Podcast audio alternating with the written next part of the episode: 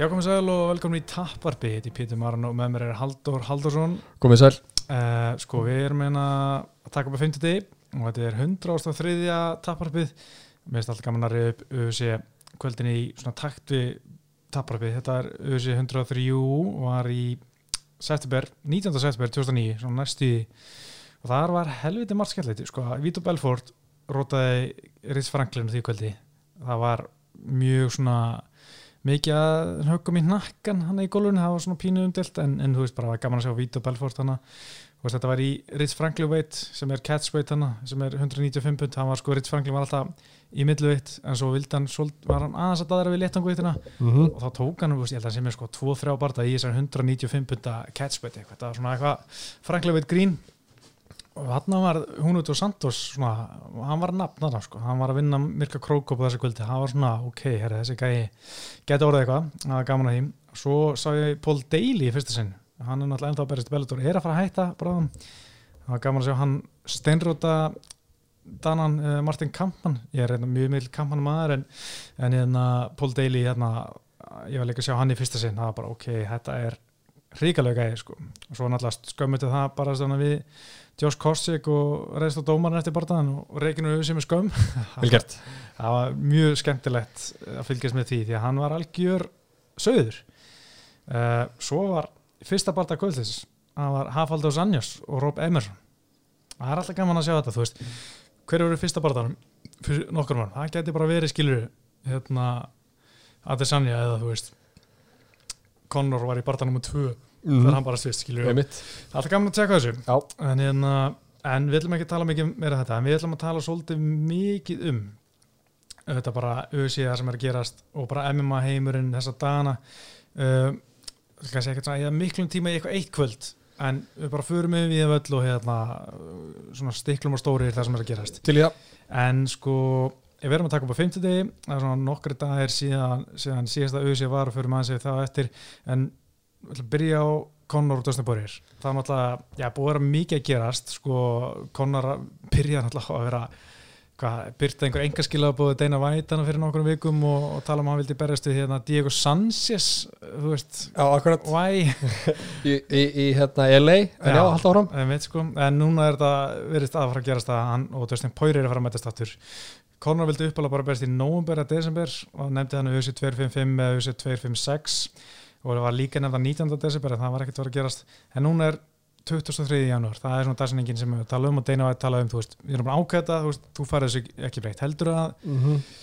USA standa á sín og, og þetta verði 23. janúar Já, ég held að líka Þú veist, Conor er búin að segja ok Ef hann færið í einhver stadium En ég held sko að hérna að UFC hafi verið að reyna að láta það ganga upp hérna, þú veist, á þessu ári að því að sko, nú er Dana White búin að vera í hvað, fjóra vikur í Abu Dhabi og hérna fjölmjölumenn voru ekkert búin að ná á hann hann er ekkert búin að mæta neinn viðtal, mætti ekki neina pressera eða neinn viðtölu eða neitt í tværi vikur. Mm. og mig grunar hann hafi verið bara að þú veist, reyna að láta ganga upp með, með, með hérna, þú veist, reyna að tróða hann um einhver inn eða þá já, reyna að koma hann inn á þessu ári, reyna að gera hann út í geðis en síðan kannski líka var hann að að verjast, skilur, og segja bara nei, þetta gengur ekki og, og tala til. En ég, hérna, þú veist Dustin Poirier er auðvitað game, hann er bara, já, ég er til. Mhm. og Conor er búin að segja já og þú veist, ég, ég myndi segja að væri svona 90% að þetta fari fram hann 2003.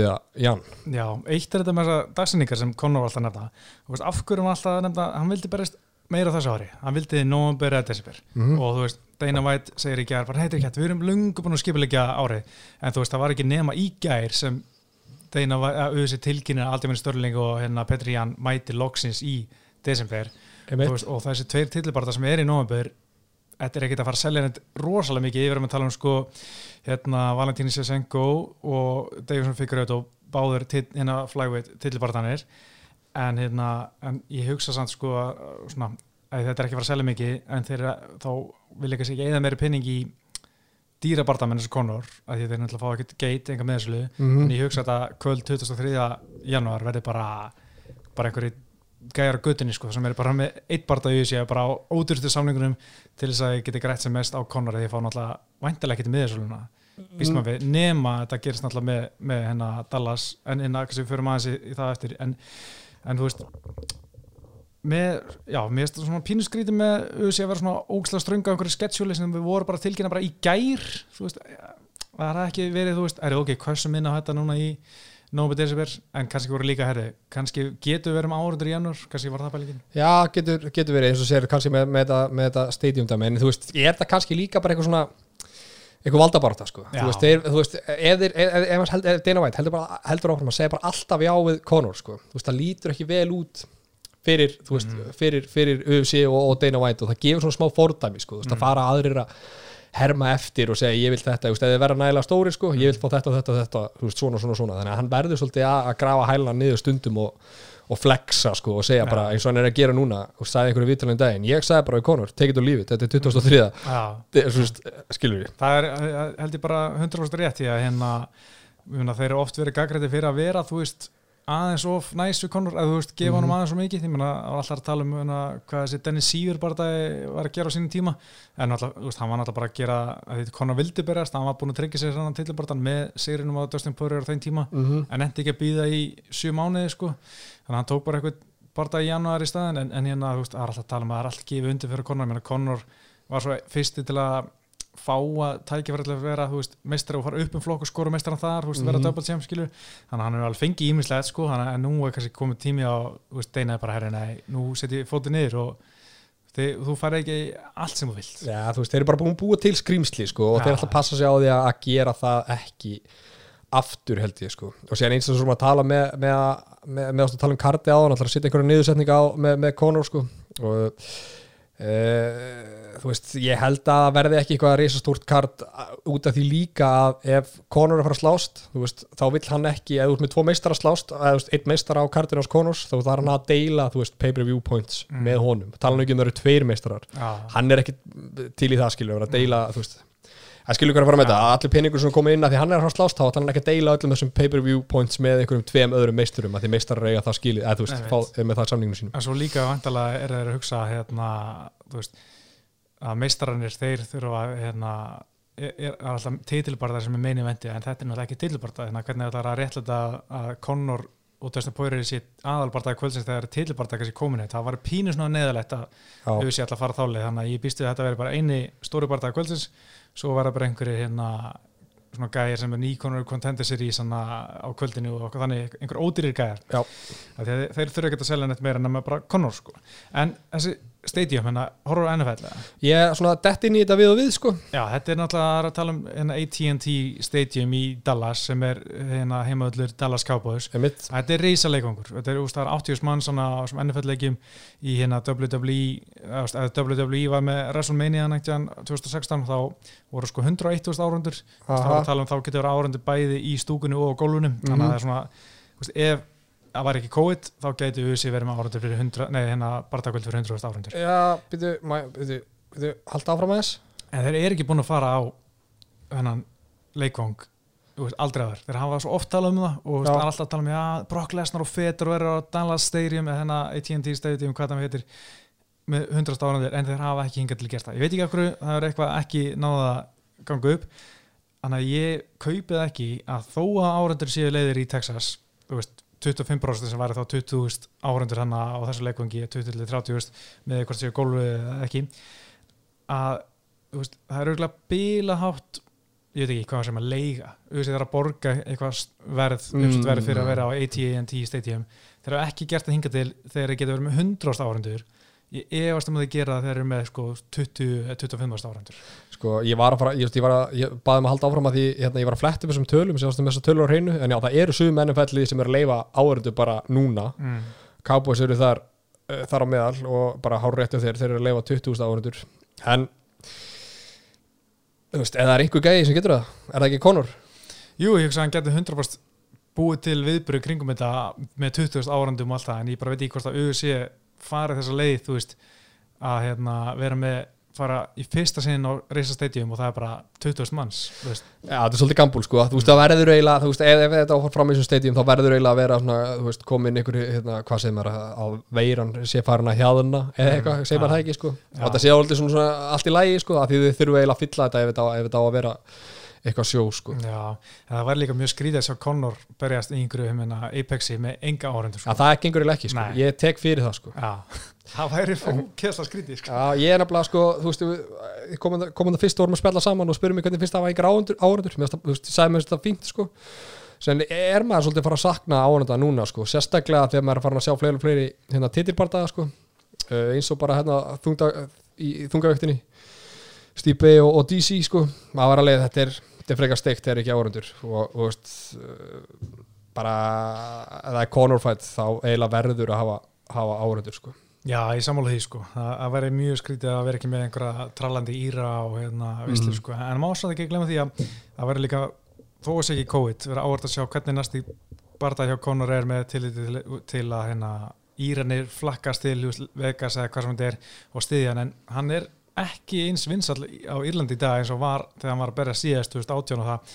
Sérstaklega eftir náttúrulega tvær nöðgunar ásakanir. Já, þetta allt. eða þrjár held ég núna. Og svo náttúrulega þegar hann kildi gamla mannin á pöfnum. Það var bara risa áfall fyrir hann bara píarlega sig í bara allstæri heiminum en sérstaklega í, á Írlandi sko.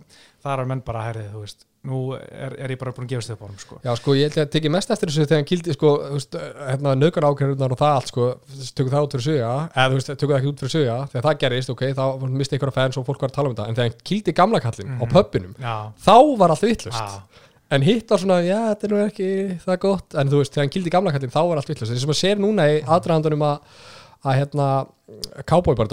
Kemur fram með hann í þvílíkri virðingu og tala vel um Já. hann og, og tala um ömmu hans og, og þetta allt sko eftir bardagan uh, öll nálgunnars og núna fyrir porjar skilur, við erum að tala saman á Twitter veist, eh, ég ber virðingu fyrir þér og gerum þetta saman og hérna, ertu til í þetta og þú veist, það er ekki, ekki sama, þú veist, þessi uh, þessi gremja sem er alltaf verið og, og og maður hefur séð sko, hann er komið nýja nálgun og það er auðvitað út af þessu að veist, hann er með slæmt rep og hann þarf aðeins að bæta fyrir það sko, hann getur ekki verið með þessi, með þessi abalæti lengur sko já, það er góð búndur og, það er náttúrulega líka að vera með eitthvað þáttu fyrstu upp að vera einhver charity eða góðgera bardaði hennar en, en Mhm. núna er ég búin að setjast á að hvað Conor ætlar að gefa hvað 500 dólar í, í hérna Já.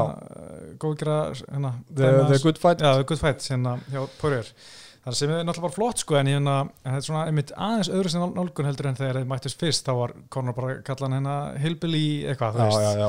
náðu hann alveg, náðu porjur upp sko Já, klálega, Meina, þarna var hann ferskur Þa- þetta var skemmtileg tími hérna, september hérna 2014 Mhm. en 2003. jan ég, ég, ég er spenntur og hérna, ég hlaka til og, og ég held að þetta verði helvitist dogfight sko. ég er mjög spenntur að sjá hvernig þetta muni spilast en ég minna svona hakan hjá Poirier hefur verið svona upp og ofan stundum hefur, heldur hún, stundum ekki sko. Hjalt á móti húker rosalega barndagi Þetta er alltaf ekki saman porjur og við höfum séð, að þú veist, alltaf verið að segja þetta þetta er ekki saman porjur og þegar þið mættust þarna á sínum tíma. Mhm.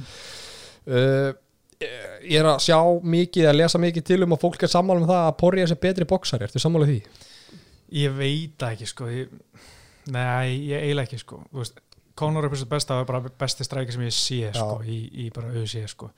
Bara þessi bara leysir vinstri sem hann með veist, ég held að það sé landtókilega við sjáum eitthvað svona rosalega veist, mikið bara svona KO artist bara svona, Mhm. hann bara hann leik sér að róta menn einhvern veginn bara þessi fyrstu ár sko, ég veit, ég veit ekki hvort það sé ennþá þar, þú veist, hann er orðin eldri ekki búin að vera berðast mikið, ég veit ekki hvort það sé búin að æfa mikið þannig að mögulega í dag er Dustin Poirier betri strækir ég get alveg síð það fyrir mér en, en ef Conor kemur bara bila fókusar úr einhverju kampi og hérna og setja viski við hilluna og allt þetta Allt hérna, þetta.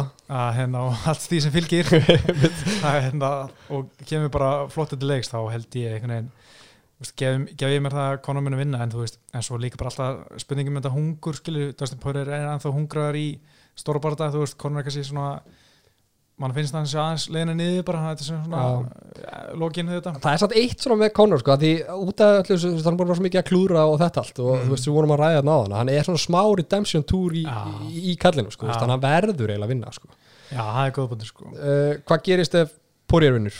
þá er heldur bara sko, sko, það er spurning sko, það er spurning hvernig hann gerir ef þetta er, þú veist, að hann bara eh, rústar Conor, Mm. þá held ég að sé hann geti, auðvelt að selja aðdændum Khabib áttur Já. en ég held að svo, svo önnur það bara hvort að Khabib sé tildagur eftir þetta en ég hugsa að hann verði alltaf að hann fái eitthvað reysabarda eftir það, kannski annar barda við hérna, hann er alltaf búin að vinna Justin Gaethje, þú veist, það er eitthvað eitthvað stórt, eitthvað Já. reysastórt og titilbardaði interim titilbardaði fyrir eftir hvað Khabib gerir en, en ég held að það hafi verið klárt mál að hafi verið eitthvað eitthva major dæmi sko. Já, stortsar. Conor sko, þá gerir þetta eitthvað en ef hann vinnur eitthvað, þú veist, ég veit ekki eitthvað kontroversialt eða eitthvað leiðilegri decision sem ekki vona að það gerist, en segjum gefum okkur að gerist sko, Mm. þá er svona er ekki demand fyrir hérna Khabib aftur og hann er einhvern veginn búinn að vinna Gaethje og Mm. þú veist, lítið bóði þannig skilur, nýbúinn að vinna Hooker þú veist, Já. þetta er svona smá limbo en er eitt, sorry, ég sé að grípa fram með þér eh, komið fram í hvað vikt Poirier Dustin á að fara fram í, Mm, Conor Dustin, hvað sagði ég? Poirier Dustin Nei. en, nei, það er ekki búið að taka það fram en, en ég vona að sé bara 155 pund bara létt við, bara 155 ekkit eitthvað catchweight kæftaði bara, Mm. bara og ekkit velti við að kæftaði eins og Conor síðast bara senda hann að gæja á viktina og bara mæta 155 á viktinni komið, þú veist, championship weight alveg þitt, hérna bardaði, þú veist er mikið undir, skil, ég veit bara menn síni það, þú veist, herri, þetta er hérna þetta er létt þetta bardaði, þetta er bara number one contender bardaði í léttvitinni Já. ekkit annað til greina ég nenni ekki að sjá hvað kæftaði fyrir þetta þú veist. 100% sammála þar en svona einmitt, hvað hva gerir síðan ef Conor vinnur þá Eh. held ég að sé mjög að sé hægt að selja mun, fólki það að hann sé tilbúin að mæta Khabib aftur ef hann einmitt sem hann rótar fyrst, nei hérna Dustin í fyrstulóti þá er eiga margir þegar bara he's back. Einmitt, já, veist, það bara, þú veist, það kemur eiginlega ekkert annað til greina, ég er alveg þar, sko veist, hann vinnur cowboy þú veist, ok, hann er, að vinna þennan cowboy, það er ekkert eitthvað mikið afreik, sko, en, sá sigur er ekkert eldast eitthvað alltaf vel með er búin að vera þess ári en, en það er bara svo auðvitað að setja þetta á blað segja, Já. herru, hann er með tvo sigra í röð þú veist, hann er bara, veist, veist, hann er búin að vinna fyrir þessu, hann átt að skilið núna og þá þarf bara auðvitað að fara í, í það að, hérna sapna 6 biljörðum dala, að því kappi myndi ekki taka 5 biljörða, sko, bara að þið þurfa að samfæra hann, sko, að því það er eiginlega eini bardaginn sem kynnt greina, sko, að annars missum hann bara út í box og eitthvað rugl og Ah.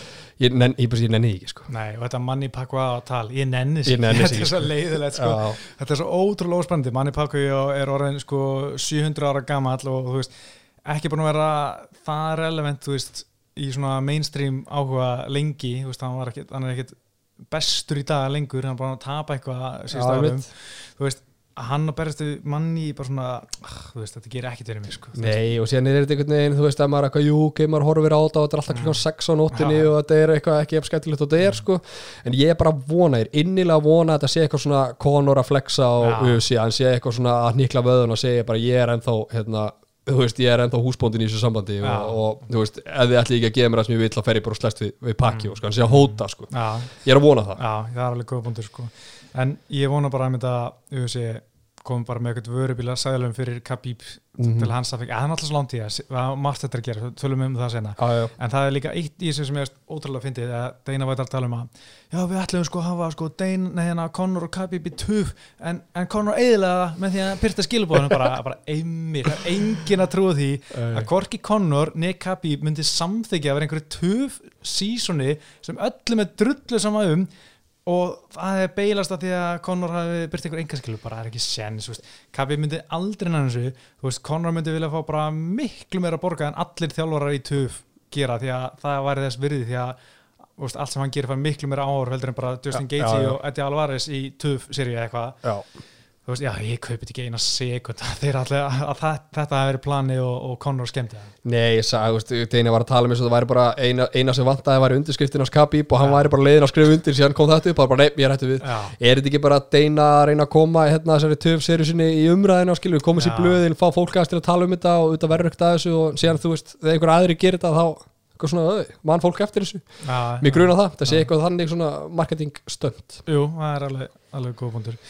En skiptum að þessu gýr og fórum í hérna næstu tvo svona reisastjörnir það er Isabel Adesanya og John Jones. Já. þetta er bara trastokk sem heldur áfram endalaust á Twitter. Og, og ég ætla bara að segja með svona, ég er ekki búin að fylgjast ég var ekki búin að sjá hvert einasta hjá báðum en þetta er endalaust, þetta er ótrúlega mikið hjá báðum, þeir bara hætta ekki að drulla eitthvað annan og ríða kjátt á Twitter.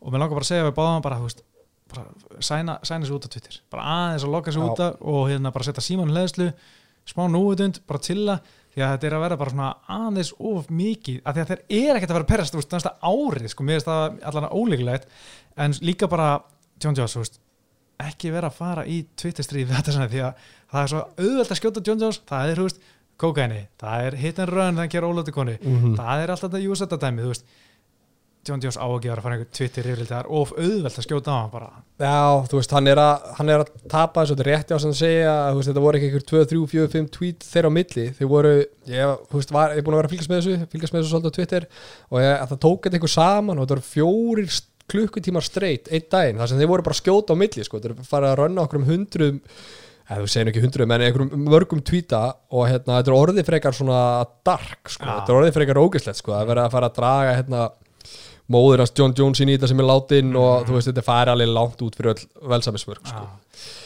Uh, en að því sögðu þá er þetta bardagi sem ég langar ekkert eðlilega mikið til að sjá. Ég er á þeirri skoðun að þetta sé stærsti bardagin sem UFC getur sett saman fyrir utan alltaf Conor og, og Khabib. Já, sko, ég er nefnilega fór að hugsa um þú veist, auðvitað veist, var gaman að þessu tvittistrið þetta byrjaði maður svona, já, það var gaman að sjá Adesanya og Djón Jones berast en heldur þetta verði í alveg skemmtilegu barða, hugsaður hans út í þetta þetta eru tveir svona long range kickbúsarar þeir munu bara vera í eitthvað svona oblique kicks og spörkum í skrokkin í 25 mínútur. Ég held að verði ekki engin læti.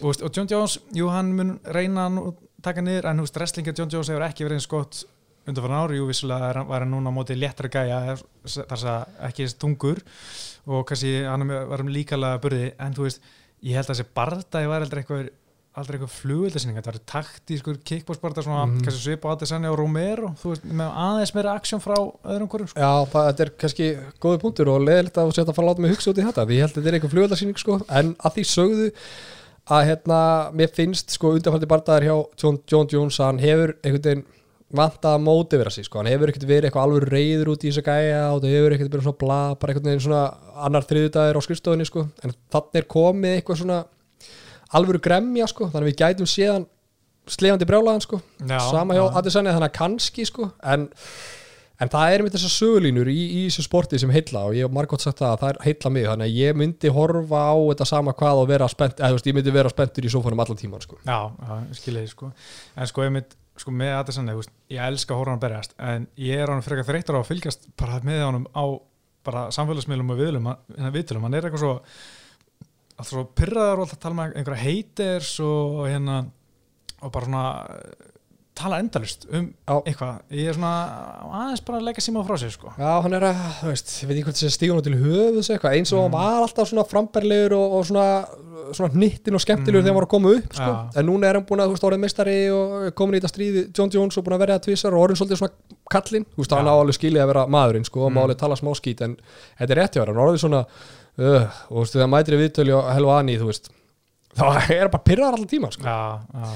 Uh, en sko annað með hérna svona bara tölum um bardaðan sjálfan því að ég meina Jones er loksins að fyrir upp í þungaðið Mhm. við erum að tala um þetta í tí ár næstu bara John Jones fyrir upp í þungaðið og þá er allt brjála hann er talað um þetta svo lengi og núna loksins er að gera þetta. Þá ennþá er hann að rífa kjáft við milliðtamestaran sko. Og ég veit ekki hvernig þeir alltaf að gera þetta því að ég efast um að Adesanya sé að fara upp í léttangvíkt til að berjast ekki tilbarta á móti John Jones. John Jones er að þingja sig til að vera meiri heavyweight. Ég veit ekki hvernig er alltaf að gera þetta. Ég meina, alltaf senda fara að vinna eh, reyna að vinna Jan Blackwoods og svo fá John Jones til að koma niður? Að hvað er planið? Já, þetta er, þetta er, þetta er, hérna, þetta er hárætt hjá, sko, þetta er að gerast náttúrulega á, á agalegum tíma, þetta einhvern veginn gerist eftir að hann fer alveg að- upp, sko, hann John Jones og eina sem að sé núna frá honum er að taka hnjöpiður með einhverjum massívar þingdir, hann er greið Já. að þingja sig, sko, mm. en þetta er rétt hjá þess að segja með, með Blackwood, einhvern veginn það eina uh, til að sjá hann bara að gerast svona í, í, í svona, hvað maður segja, foreseeable future, Mm.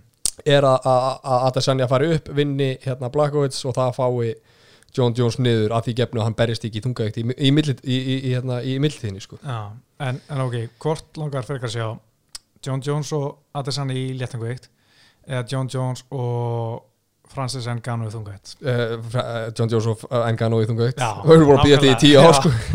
ég er að býða eftir því sko. Það er það sem ég vil sjá ég, vil sjá John Jones í þungaveikt miklu frekar heldur en að hann sé aft, en aftur komin í létt, léttangaveikt og, og berjast við skinni í milluveitt Mhm. og hann sé úslega góður skilir en, en að ég, ég, er ekki seldur á hann barða ok, segjum þetta verði ekki segjum að þessum bardaði verði bara að fara að gerast hérna um áramótin hérna John Jones og Adesanya uh, og gefum okkur það að þetta er ekki hérna svona taktískur fight eins og vorum að tala um á hann mm. uh, myndur þú halda að þetta er competitive fight að þið væri bæðir bara báðir all-in eða myndi Já. annarkvort dominita Ég held að þetta er mjög, mjög kompetitiv, þú veist, ég sé ekki fyrir mér allir svona að róta John Jones, þú veist hann er alveg auðvitað með hella power og nákvæmur og alltaf góð strækir ef róta fullt að görum þetta. En John Jones er með mjög gott sinn búin að sína það, það er erfitt að, að droppa hann sko. Sama með John Jones, veist, mér finnst hann einhvern veginn mér finnst hann dala bara undir farin ára en kannski er það bara því að hann er ekki áhugasamur kannski er að að hann nennir þess Mhm. ekki. Ég veit ekki, hérna, wrestlingi hefur ekki verið eins gott síðust ár. Agalegt bara, já, bara ekki bara að ná hérna, að klára þess að felli sem hann er að reyna og svona það hefur eitthvað svona verið úst, kannski er hann dalaði með því, ég veit ekki en, en ég, ég myndi tippa bara á Adesanya sko. ég held að ég er eiginlega að, að þar líka sko bara eftir, eftir dómarokkurinn sko. það er bara eins og það er sko Já, ég verð bara að segja það en sko, já, ég er svona nokkur tíma búin að kofra það sem ég held að segja með það Já, það er eitthvað meira um þetta að segja sko. Þú veist, þetta er bara svona, þú veist, það er, þú veist, þetta er ekkit orðið að neinu ennþá þannig að þú veist, við tölum bara um þetta síðar þegar það eitt, kemur sko. eitt sem ég varst að þetta fyndi var að John Jones viðikendi að hafa falið sig undir búrun það var þessi verið hérna, þetta, þessi orðrumur í mörg ár Já. sem held ég Kyle Sonnen byrjaði einhvern Já, hann- hann það. já, hann, hann greindi frá þessu sín tíma að, að ég held að þetta var áður en Júsat að koma þá var að hérna, íþróttasambandi í Nevada að senda eitthvað til að mm. lifa prófa John Jones og hann á að falið sig undir búrunu allan daginn að því að hérna, hann vildi ekki vera liðapróf Já, já, í, hérna, í ja, Wings tíminu, Já, er- Jackson- Jack- Jackson Wings tíminu, já. já. En, hérna, en þetta er alltaf bara saga þú veist, enginn er að tala um þetta. En Mm. þarna viðkendi John Jones, hann hefði gert það en hann segist að það bara verið að fela sig að því að hann var bara nýbúin að reykja gras og held að hann myndi falla, falla á lifur þannig en, en það er ekki testa fyrir svona lif eða svona efni utan bardaðana skilju það er bara testað fyrir framistuðbæðinu efni í kampinu. Síðan þú veist, þegar þú ert komin á Fight Night þá er testað fyrir allan anskondana skilju ég myndi halda að John Jones myndi vita þetta. Já, já, verandi UFC meistari þú veist, þetta er ekkit þetta var árið Júsati komið samt ekkit eitthvað 2007 sko. Ég hérna mér finnst það ekki líta vel út að við ekki Nei, þetta er, þetta er ekki gott. En pæli hvað, þú veist, hérna, Adesanya er búin að ná honum vel upp. Hva, Já. Hversu reyður hann þarf að vera til að tvíta þessu og viðkenna þetta þarna, skilur við. Þú veist, ef hann væri bara mell og yfir þessu og væri bara eitthvað lítið á þetta sem einhvern leik, sko hann er aldrei sagt þetta, sko. Nei, Þannig að hann er heima sér, fróðufellandi, sko. Ég er ekki að grínast. Já, en hérna förum, skiptum um gýr aftur. Það er,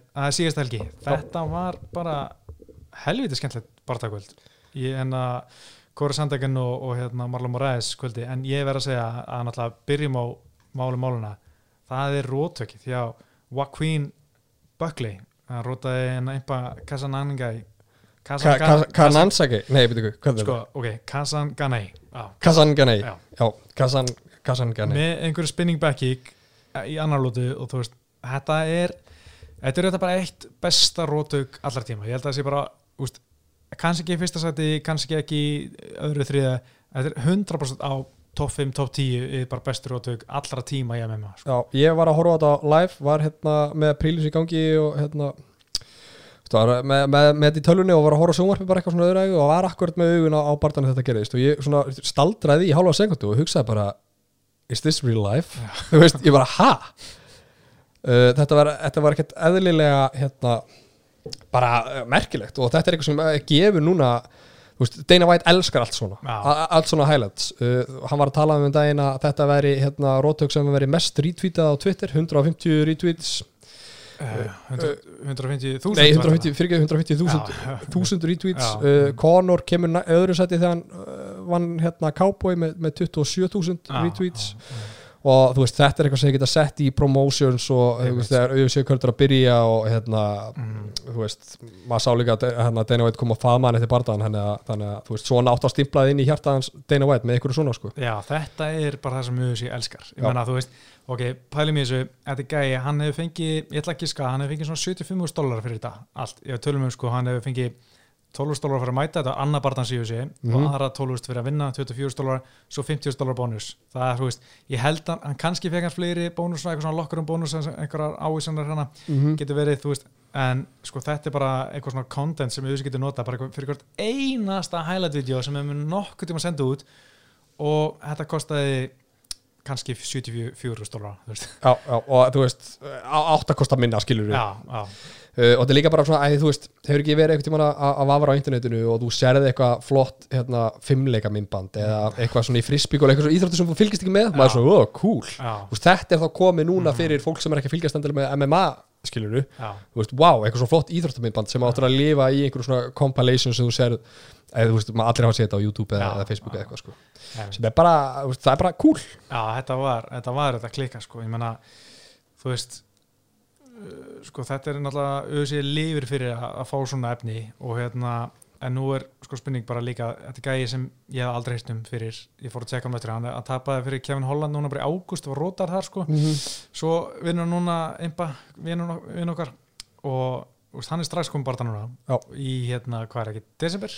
Jú. Já, uh, 2-5-5, já, Já. og hérna er það, það er nómur kannski, ég veit ekki hvað, að- annað að- hvort. var á UFC kartið ekki, eða þú veist, það var á pay-per-view Jú, ég held, það sko Já. Þannig að það er spurning sko, nær hann að fylgjast eftir eða þú veist, verða kannski bara rótaðar aftur í næsta parta, því að maður veit ekki ennþá hver maður hefur hann gæja, skilju, þetta er bara þetta er, þú veist, náttúrulega frekar nýr gæja í auðsi en sko, uh, bardaginn upp að þessu rótæki var frá, þetta er frábæð bardagi Já, já. uh, á milli þeirra tvekja félaga en þetta er rétt að svo segir að núna er þú veist, öll augu á þessum gæja Mhm. og allir eitthvað svona með eitthvað væntinga núna og maður veit ekki hvort að svo pressa, hann áttur að finna fyrir henni sko, og allir eitthvað svona, já, hann áttur að gera veist, við viljum sjá eitthvað annað alveg eins og veit, hann áttur að finna þá pressu og kannski brotna eða bara delivera eitthvað annað vonandi. hann, gæti orðið bara næstu Uriah Hall, bara einhver gæja sem er með klikka highlight en bara mætist þetta já, og er með bara svakalega svona bara physical gifts svona eins og Uriah Hall en, en einhvern veginn næri ekki alveg að tengja tvo tvo samanstundum alltaf í hérna búnunum en hann getur líka bara látið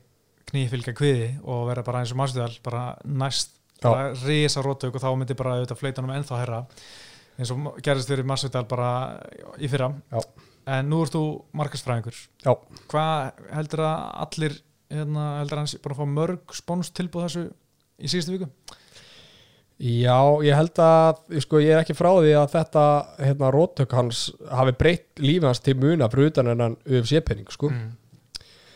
Uh, þú veist, Kanye West var að gera lag, gefa út nýtt lag og hann var svo inspired by þess að lægi hans byrjaði á þessu róttöki, þú veist, alls konar svona og, og þú veist, og, kanin, þú veist, Amerikanir er alveg, þú veist, tilbúin að borga fyrir alls konar og blása alls konar hluti upp, sko. Mm. Þannig að eins og sáum með hann að manni sem var á hjólabrettinu að, að drekka hann að spirit og, e, þú veist, með hann að Fleetwood Mac þú veist, nú er hann bara eitthvað set for life eða þú veist, skilur mig Já, Þannig að ég er alveg 100% á því að, að, að okkar maður uh, er að sjá fram á bjartari tíma núna eftir þetta rót- rótök Já, það er alltaf spennandi að sjá hvað, hvað gerist en svona, heimitt hvar munum við setja þetta yfir bestu rótök allar tíma? Sko, eitt í því sem ég langar það er að þú veist, ég get ekki sett þetta sem eitthvað besta, besta rótök allra tíma af því að, þú veist það var eiginlegt undir í þessum bardaga sko. Það var á undirkartinu, þetta er svona nýji bardamenn þú veist, það var ekki nógu mikið að veði svo við getum sett þetta og var enn, þú veist, top 5 þú veist, top 5, Já, já, top 5 alveg klálega top 5 Já, það er svo mikið veist, það er alltaf Ben Askren Horga Massadal, Já. Veist, það er Edson Barbosa og hérna, Terry Edem og líka Edson Barbosa mútið Benil Darius, þannig að þetta fljúandi nýja það er bara, það er ennþá að ég skilða ekki að horfa það, bara hvernig getur hann tímast þetta svona vel, svo er hann alltaf hérna uh, Jara Rodríguez, Olbóin, síðasta mútið Korean Buzzer. Samfélag, tapa. Buzzer KO veist, það er eitthvað sem við mun aldrei sjá. Mm. rótök, það er eins og getur eftir að fimm lótu bara það það er fáralegt Og með svona- já, sko. með svona Já. þetta er ekki eitthvað vennilegir, vennilegur ólba en hérna, veist, það er svo margt annars Conor eftir 45 sekund, eða, nei, 13 sekundur í, í hérna, titibardaga sko. Sko. Holly Holm, Ronda Rási, þú veist það var Já, já. rosalegt undir það það, sko. rosalega, sko, það er eiginlega veist, það fyrir mér er alveg sko, þú veist, ég er erfitt með að setja eitthvað þú veist, ég ætla að ósamála mér á morgun eða setja eitthvað í topp 1 en það er allavega topp 2 sko, hérna, Holm, hérna, Holm hausparkið á, rondu sko. það breytti bara leiknum í bandaveit hvenna, sko, Ronda Rási var bara ósýrandi afl og svo bara stuttu eftir þetta er hún bara farin Já, farin og bara allir að tala um bara, veist, eins gott hún mætti ekki Cyborg á sínu Já, tíma og já. þetta allt sko, bara hún var ekkert óluð þetta þetta var skemmtilegt. En já, restina kvöldinu, það er þetta sko, náttúrulega 135 pundin er það er bara geggjað flokkur í dag. Já, sáum hvori Sandekan vinna Marlon Moraes og hann átti bara frábæra framlustu jú, hann vinnur með Rótöki í annar lótu en hann vann fyrstu lótu, hann var að vinna fram að þessu hann var bara betri allan tíman Já. og bara frábært dæmi um hvað er þetta að nota COVID-lókun í eitthvað gott. Þannig að allir bardæmi sem verður úti gerir eitthvað nýtt því að hann var að æfa þetta spinning back kick bara í COVID-lókunin heima sér. Já, þetta veist ég ekki. Já. En með, með, með hennar þingdaflokk, þetta er rosalegu þingdaflokkur, þetta er hérna léttvittinn, þú veist, það er, það er viktinn, sko, Mhm. en það er ekki langt í það finnst mér, sko, að, hérna, bandaviktin verði það sem léttviktin er í dag, sko, það er svo rosalega mikið að talent, veist, það er bara frá, sko, eitt niður í eh, átta á styrkleglistanum er bara, þú veist, einhverju killers, sko. Já, skulum aðeins bara fara yfir það. En alltaf meistarinn Petri Jan Já, uh, áskorata nummer eitt sem mæti Petri Jan einhvern í, í desember, Altimann Störling. Svo kemur hann að Kori Sandegen Marlon Moraes, Cody Garbrandt sem er reyndar að fara niður í flugu 1 við, Mhm. uh, svo er náttúrulega gamli góði Franki Edgar hana, Pedro Munoz Jose Aldo, Tímur Rivera Hafa Assansia, Dominic Cruz.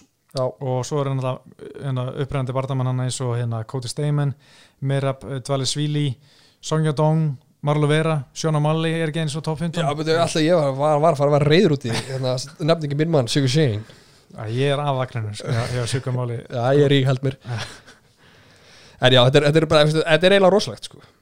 uh, það er það, sko, á topp 15 hérna, það eru einhverju bardamenn að fara að mætast á, á topp 15 sko. þú getur verið spenntur sko. já, klálega sko og líka, þú veist, með Kori Sandegen þetta er gæði sem ég alltaf held ég tippa villast já, sko ég eh, þegar það var á móti John Leininger, ég bara já, Leininger Leininger sigur, móti Hafal Assansja, bara já, þetta er svona típiskur Assansja vinnur eftir dómarákurinn bara örugt en hann pakkaði eiginlega báður saman svo en á móti aldrei með störling, það var bara herri nú er ég seldur, Kori Sandegen tekur aldrei með störling Já, skeita sig það já og Störling er alltaf með frábæra framlustu þar alltaf, svo með Marlon Moraes bara, já, Mar Marlon Moraes, hann er pínu minn maður, sko, hann er komin aftur hann, hann hérna klára sandegum bara í annari þriðlutum bara ekki Það var, þetta alveg competitive fight sko, já.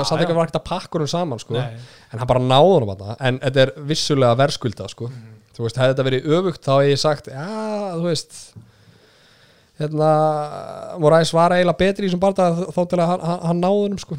En eh, í hérna störlingbarðanum þá, þá er einhvern veginn sama, þá er einhvern veginn hann gerði einhver, einhver eina villu og hann náði bara bakinn á honum og Já. stúta þessu strax, sko. Maður fekk aldrei að sjá neitt fætt sko. það var eiginlega, það var svolítið synd sko. já fekk ekki að sjá hver var virkilega betri það skilur við hverja fram með þetta Já, en svo er sko áhugvært að það var eitthvað hík á auðvisi að bóka Störling á móti Petri Ján þeir Mhm. auðvisi er ekki fíla, fíla aldrei með Störling þeir hefðu getað gefið honum tilbarta eftir sigurinn á móti hérna Sandegin en Hósi Aldó fekk tilbartaðan mm -hmm. Ok, þá hérna og Störling náttúrulega pakka Sandegin uh, Petri Ján vinnur Hósi Aldó síðan komaður þetta, er í júli sem Petri Ján vinnur tillin og við erum núna komin í óttabir Já. og loksins er að bóka Petri Ján aftur í tilbarta en það er bara því að þeir voru að býða eftir þessum barta Marlon Moraes og Kori Sandegin og ég var að heyra sko að Marlon Moraes er hjá Ali Abdelís. Að hann var að pressa auðvitað sér herrið hérna, sjáum hvort að Marlon Moraes vinni hérna Kori Sandegin að hérna Moraes hefði fengið tilbarta á undan Störling eða hann hefði vinni síðustu helgi ég er, ég er, ég er alveg, með, alveg með það sko. Það er svo auðvöld að segja hérna, Moræs að hann er með rótöku hérna, Störling þannig að þú veist Mhm. hann á þetta miklu frekar skilið. Þeir letu, þeir letu, hérna, þeir letu Hósi Aldó fó tilbarta eftir tap Já. þannig að þeir gera bara sem, sem sýnist Já. sko. En, að en ég rannar að Störling sé komið til tilbarta hann, hann náða á að fyllilega skilið, á að fyllilega skilið sko. Og ég er mjög spenntur og ég, þú veist ég ætla ekki að fara uh, tippa á neitt og ég veit ekki hvernig þetta mun fara eins og staðinu núna Nei, sko. það er bara svo að skemmtilegt við, við hennar þingtaflót maður, bara, veist, maður veit aldrei neitt sko. Mhm. svo fyrir hennar, fyrir hennar hérna, Moræs og, og, og, og, og Sandhækjan bara það, maður, maður veit ekkert sko.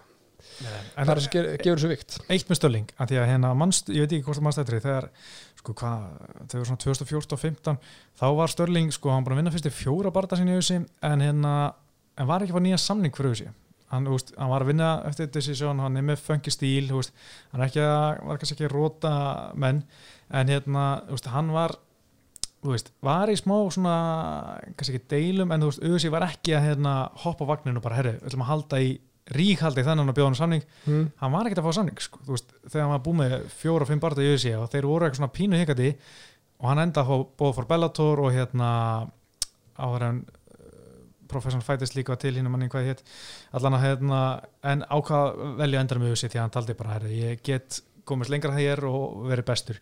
En það er svona það er eitthvað, UFC er ekki að fíla hann sko. Já, ég man ekki alveg eftir þessu, eftir þessu stimpingu við, við UFC en það bara það sem er við hennan gæja er ok, hann er ekki með ásakið, öll þessi finnis uh, en hann er bara frábær bardamaður og þetta er svona bardamaður sem hérna sem harðkjarna aðdándur elska og kemur vel fram og, og fyrir en þú veist, hinn hin, hérna, hinn hópurinn, kasjólarnir sem svo, sem að tekundar koma af, hafa ekki hugmyndum hverju þessi gæja er sko og hann er bara ekki nóg mikið dró og ef þú ert ekki dró og ef þú ert ekki að vera með eitthvað rótöku í hvernig barða þá Mm. er auðvelt að kötta þig sko. Já, það er bara hann hann geti ekki að sé tekið upp á því sam og vinnur okkar hérna Kolby Konto, hann byrja að vera einhver algjör Lives Matter sko bara full on, bara svona anti-Kolby Já. bara vera bara næsti rasisti í hináttina sko. Að búa sér til eitthvað gimmick sko, Já. það hefur sínt sig að það virkar sko. en já, ég myndi eh, bara fíla, ég fíla hann sér svona eins og er. Ég myndi ekki nenni að það myndi fara með eitthvað gimmick sko. Ég,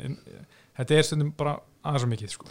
Nei, en ég veður samt að gefa okkar manni Kolby það að Kolby Kontum það að gimmicki hans virkar þú ert með fórseta bandaríkjana að ringja í þig eftir, Já. eftir fights það er alveg, eitt og sér, er huge sko. það er huge sko en já. það er kannski önnurlega, en Já. þú veist, þannig að þetta gimmick virkar ég ætla bara að koma í það En hérna eitt, með, eitt mat sem við glemdum að tala um í bandhættinni það er gæði sem er að snúa aftur núna í janúar februar TJ Dillashaw Já, það er, sko ég er alveg vel spenntið fyrir að sjá hvora sandekana móti TJ Dillashaw sko. það er barndagi sem bara bæði myndi koma TJ Dillashaw aftur í umræðana í, í tóknum hann vinnur þar að segja. Já.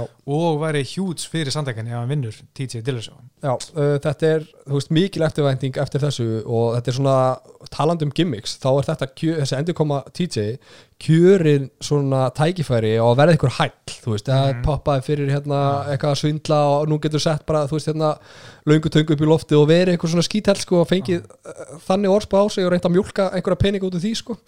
En uh, ég er sammála, ég man þegar þetta kom upp hérna, hann hafi verið poppaður fyrir, fyrir þetta drögtest að ég hugsaði bara, já, já, það, það sjáustu vinnur og einhvern veginn mér, hvað er ekki, tvö ár sem þetta gerist þegar þau tvö ár líðu ekkert eðlilega hratt, finnst mér sko. Allt í hún er bara mættur aftur og, og eftir, eftirvendingin er, er, hérna, er mikil allan á mín megin sko. Já, ég meina hann er 34 ára í dag og verður sko 35 ára í februar næsta ári að sem er, maður. það er aldur í svona léttu flokkum Já. í, í bandhættinni. Það er hérna það er erfitt að vera gammal þar sko eh, annað en í, í þungaðættinni sko. Við erum að tala um það að ef hann tapar, þú veist, segjum hann mæti, seg, gefum okkur það að mæti hérna, Corey Sandhagen, hérna, þegar hann snýti baka ef hann tapar þeim bardaga Mm. þá á hann max eitt bardagi viðbútt, sko, ef hann tapar tveimur röð þá er þetta bara sjáum, sko. Já þá er hann bara held ég á leiðin í Bellator sko. Já, þannig það að, eitthvað, eitthvað þannig sko. Þú veist, og ef við tökum þetta allt saman, e, e, þú veist, hvað það segja 34, ára, ég myndi gíska hann eitt í svona sko, í allra max fjóra, fimm, fjóra hálfan bardaga, þegar hann kemur tilbaka. Já, já, já. Ég myndi segja að það væri maxið, það er alveg ef hann næri ekki að kría sig upp á toppin, þá er svona mm. En uh, annað sem var gerist þessu kvöldi náttúrulega Edson Barbosa hann uh, náði hann að nöðsölegu séri gegn Makkan Amerikani uh, við fannst hann hefði getað klárað þetta. Hann hefði alveg svona úst, ég bjóst við að myndi rústunum þannig að ég gef bara fínt kredit á henn Amerikani fyrir að standa sér betri en bjóst við. En mér fannst þess að Barbosa hefði svona getað verið aðeins betri Já, hvað, þú veist, ég satt ekki alveg samlega því, sko, mér fannst hann bara lúka vel, en já, einu sem var, var finnisið, ég kannski ekki að fylgjast nægilega mikið með, með því, ég held að Amerikani væri einhver aðalegu wrestler og, og, og hérna, bara bósa hefur í vesinni með, þeir, með, með það, sko, ég held að það myndi bara resta nýtt wrestl, sko, og sér væri bara, ok, við mjög góðu hvað það vilt sjá mér, sko, en hann lúkaði mjög vel og maður er eitthvað svona spá í hvort að weight cutti myndi hafa einhver áhrif, sá ekki neitt, mm -hmm. þú veist, var mættur veist, það var ekki að mæta seint í vikturina, og skalum ekki eins og maður sér oft og, og hérna bara virkilega vel gert og hann kallaði eftir því að fá bardaða strax bara sem fyrst. Já, ég fíla það. Þú veist, hvað er næst fyrir hann í, í sko, mér finnst Bandam. nú fjárvitt nei, já, fyrir Mér finnst leiðilegt að hann að tapa þessum barða fyrir Dan Íka því að mér fannst hann vinna þann barða samla, en hérna sko ég, það er margt spennandi. Sko við erum alltaf ennþá að býða eftir að Jair Rodríguez og Sabit Magomed Sirabov munu einhvern tíma berjast. Það er búið alltaf að reyna bókuta alltaf að cancelus og fersta og Mhm. bára meðast og allt það. Þannig að mjög, leiðin að þeim bara berjast. Bara klárum þetta hérna sko ekki ekkert að flækja það. Annars er ég pínuspendur að sjá um að Calvin Kattar. Já, ég er þar.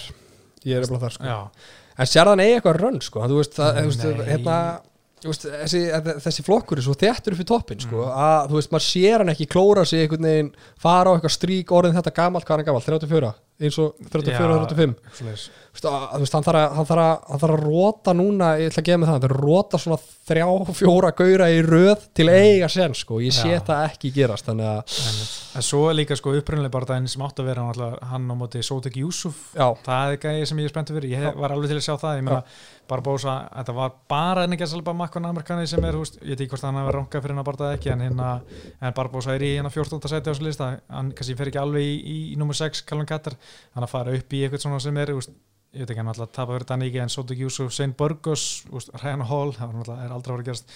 Bryce Mitchell, þú veist, eitthvað svona ég held að það veri bara mjög, mjög skemmtilegur bara sko, fyrir hérna fyrir bara bósa ég var hérna eins og þú sagðir í upphæfi að þetta væri nöðsulegu sigur fyrir Barbosa sko, Mm. ég var eiginlega komin á því að hann tapat þessum þá var hann köttaður sko. Þú veist, þú ert orðin eldri eða þú ert orðin vettran í þessu sporti og fær alltaf aðeins betur og betur borgað sko. Og hann er ekki huge straw Mhm. þannig að þú veist gæja sem er ekki huge straw eru að fá vel borga þegar það er auðvitað að að kveðja þá sko. Já, en, en kannski er, uh, veit ekki, ég er bara að hugsa upp átt, kannski er hælæti hans þess virði að borgunum, þú veist, þú með byrtir, það, þessi gæði er svo kominent, þessi gæði, þú ert með rótegi móti hérna Já. Terry Edim, þú ert með rótegi móti Benaldaris, þú ert með klikku spörk, þú veist, henda þessi highlight pakka sem er á ESPN, þú veist, sínt á milli hérna að leikja já, jú, og bara, herri, já, ég ætla að tjekka þessu, lögðin. þetta er þetta frábær pútur, ég er ekki maður að pæla í þessu að þú veist, þetta, þú veist, eins og tölum við mán þetta er það sem UFC elskar og þetta Já. er það sem þeim selja fólki sem er ekki all-in í þessu sporti þú veist, þetta sér þessar klippur í ESPN ú, Mm. heyrðu, þetta sé að fara eitthvað, ég ætla Já. að kveikja á þessu Já.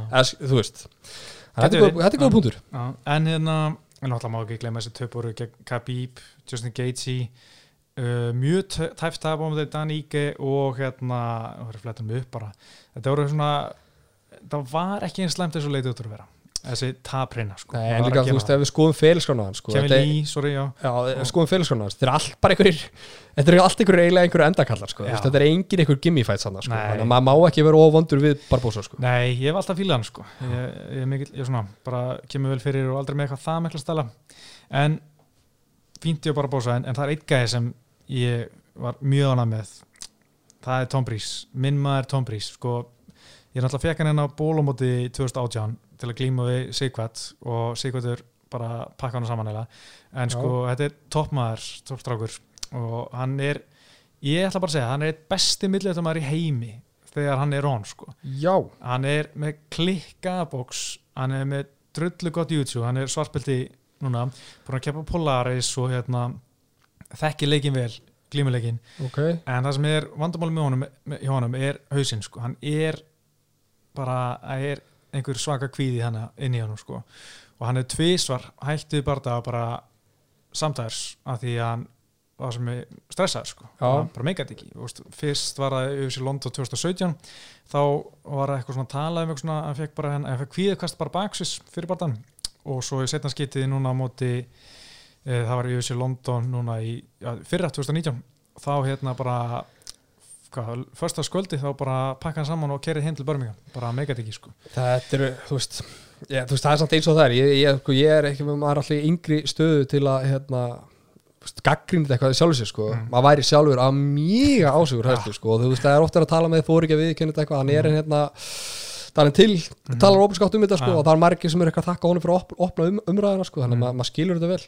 En Tom Breeze, ég er eh, bara að verða viðkynna vann kunnáttu mín í þessum. Ég hef ekki, fylgst- mikið með þessum manni hann flogið undir minn ratar allan Já, en, en sko, þetta er líka gæði sko sem er bara eins sást skrokkin á hann bara, þetta er, skrokkur. Já, og hann bara er, tekur bara bodyvitaðingar, bara fimmleika og hérna arpiður og hvað þannig bara, Ah. hann snertir ekki lóð sko. Já. það er hérna velgjart, ég maður því að líka þegar hann var hérna síðast á Íslandi þá hérna var hann að segja að hann trúir ekki á svona strength and conditioning, fyrst að bara kæfta þú varst bara, þú veist, taka bara harða lótur í glímu og svo bara harða lótur á púðunum.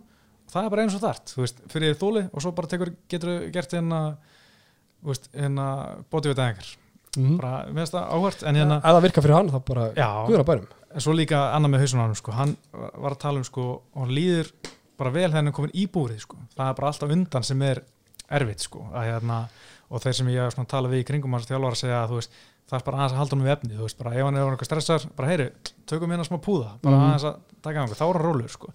Að, hérna, en hann var ekki að tala um að hann er búin að vera að vinna í þessu og komið íþjóðsálfræng og hausun á hann er komin í smálag bara það að hann geti mætt í búrið því að það er ekki vandamál framistöðun þegar hann er mættur, það er bara aðdraðandir sko. Já, við, við, erum nú báðir viðka íþróttir á einhverju keppslefili og þú veist, þetta er bara satt, maður er alltaf stressaðari fyrir, fyrir þú veist, eins og ég var í körbólta maður er stressaðari fyrir, fyrir leikin heldur þú ert inn á. Og se, tala ekki um að það er spennandi leikur þú ert inn á, finnur þú eiginlega ekki fyrir þessu en Nei. þú ert á bekknum eitthvað að horfa á liðið spila þú veist, það er að drepa svo stressi. Já, Þannig, að- en þú veist, með Brís, hvað er, hvað er hann? Er að fara, er, er að fara að sjá hann að fara að gera eitthvað í, í millíktinni eða? Já, hann er yngri en ég sko, hann hann er 29, 29? þetta er 91 móðil sko. Ok, og hérna, já, ég er mjög spenntur fyrir hann sko, ég meina, líka hann uh, var að æfa í mjölni, kom hérna eftir bólumóti og var að æfa hans með Gunna og strókunum og hérna, og maður sá bara leveli sem hann er á þar og það er, uh, já, ég fíla hann, ég er aðvandi allan að hérna, ég hlakka til að sjá hann. Það er líka annað breyti sem vakti aðtekli mína, það var Tom Aspinall.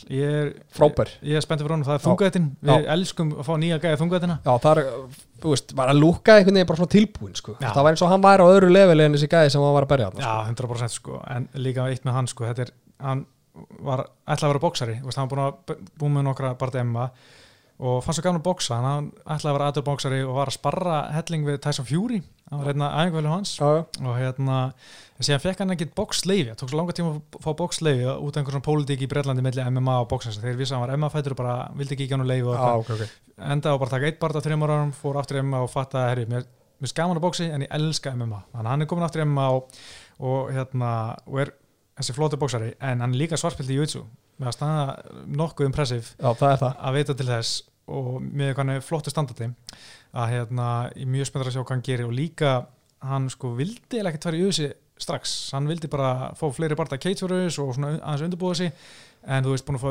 búið nokkur sem fyrir Jutsu og alltaf búin að segja nei, nei, nei og svo kom hérna síðasta bóð og, og Kate fyrir sagði bara "Hey, þú veist, við erum ekki meira tvirið skilji, þú veist, Mhm. verður bara að fara og hann bara já, ok tekur Jutsu og hann er bara að kalla út úst, Sergei Spivak, hann er ekkert að byggja með eitthvað stóra barða, hann vil taka sér tíma í þetta og hann bara segir úst, ég á tíu ár inni, ég Já. ákveður þetta að flýta mér og ég, ég fíl það Ég fíla þetta hugafar, sko. Það, það er aðalegt þegar gæ, gæjar er að flýta sér og þú veist, þeir koma inn með eitthvað 5-0 rekord eða 6-0 rekord úr hérna þessum, þessum, þessum minni, mi- minni pro, promotion og síðan, þú veist, tapar tveimur röð og heyrir aldrei aftur af þeim, sko. Þannig er hann að byggja upp byggja upp sig sjálfan og, og spennandi eins og segir, hann með svart be- belti í, í, Jiu-Jitsu og ef það er ekki Brasilíumaður þá heyrir ekki marga þungdagtamann sem eru með, sko, í þungdagt og eru með, Mhm. með svart belti sko. þannig að það er cool, ég verð líka að gefa sjátt á minn mann Dákás já, það, ég fíla hann, ég tók eftir hún núna fyrst á þessu ári, já, sko feitabóla Mhm. með sko steinvölur fyrir hendur og hann er bara að gera sitt í fyrstu lótu ég hérna, er komin fremstur á vagnin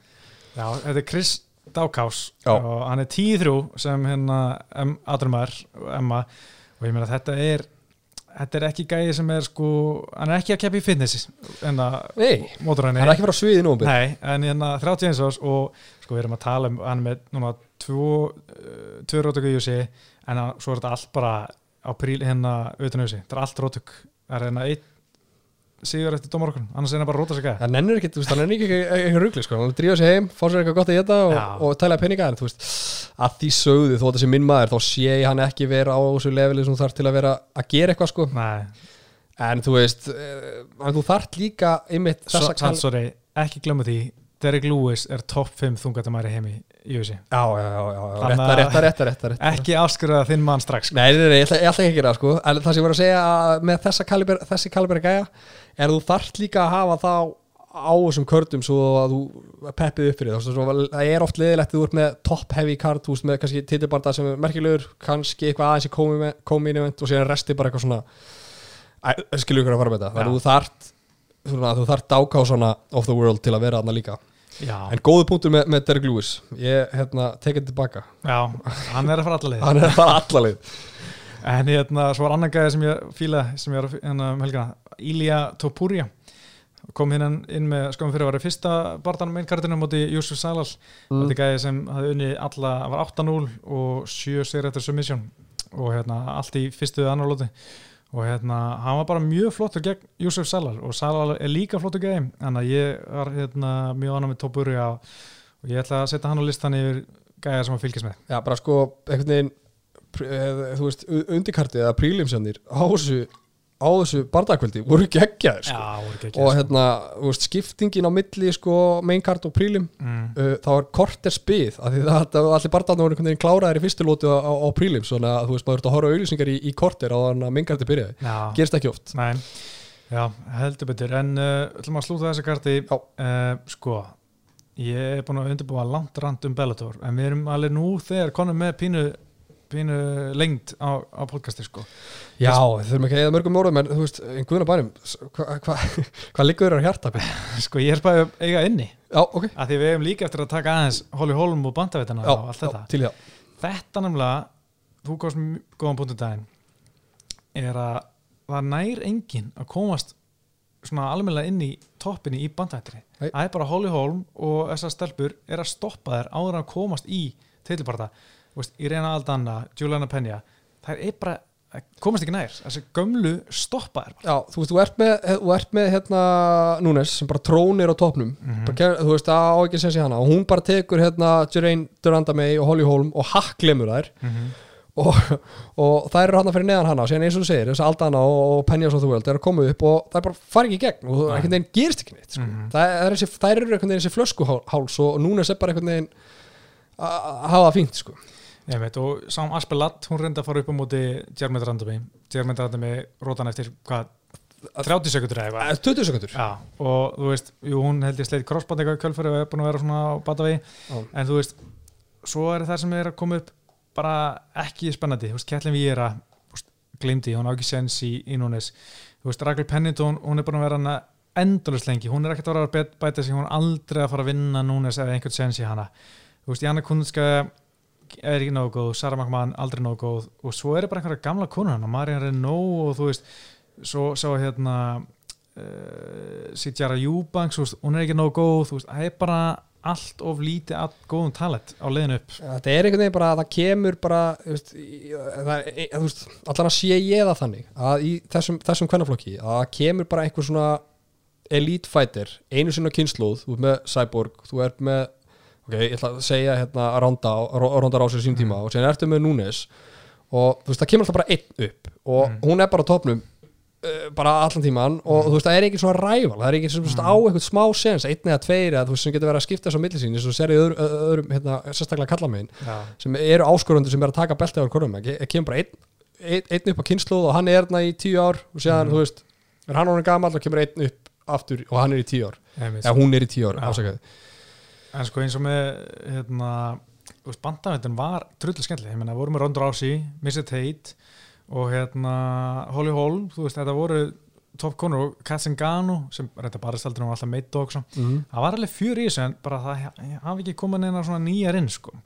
en hún er náttúrulega veist, það er bara lang besti flokkur. Já, langt best Bara- og geggja, þú veist, það er bara gama veist, barndaður sem getur sett saman hann við toppinu eru bara geggjaðar allir, sko. Já, heldur betur sko og það er líka spennandi á leiðinu upp bara eins og Amanda Ribas og Mackenzie Dörn og, og fleiri sko það er nóg til það en svo aftur á móti flugveitin ekkert að gerast það, bara ein shit going on Valentíni Sissenko bara lang La, Lang best. best sko. og annað er bara reyði ekki breyk sko. Ég sé hann ekki tapa lótu eh, svo lengi sem hún nenni því, sko Já, einmitt, sko. það er bara spurning bara hversu lengi nennur þessu uh, Já, hérna svo hafa gæði líka því hérna Holly Holm kartinu sem mér langar að uh, benda á. Kyle Phillips, hann rústaði Cameron Els sko Cameron Els, hann hefur komið til Íslands og eftir mjölni talaði að hann er uh, ágætis drengur, en það er bara gæði sem var búin að vinna pappakassa.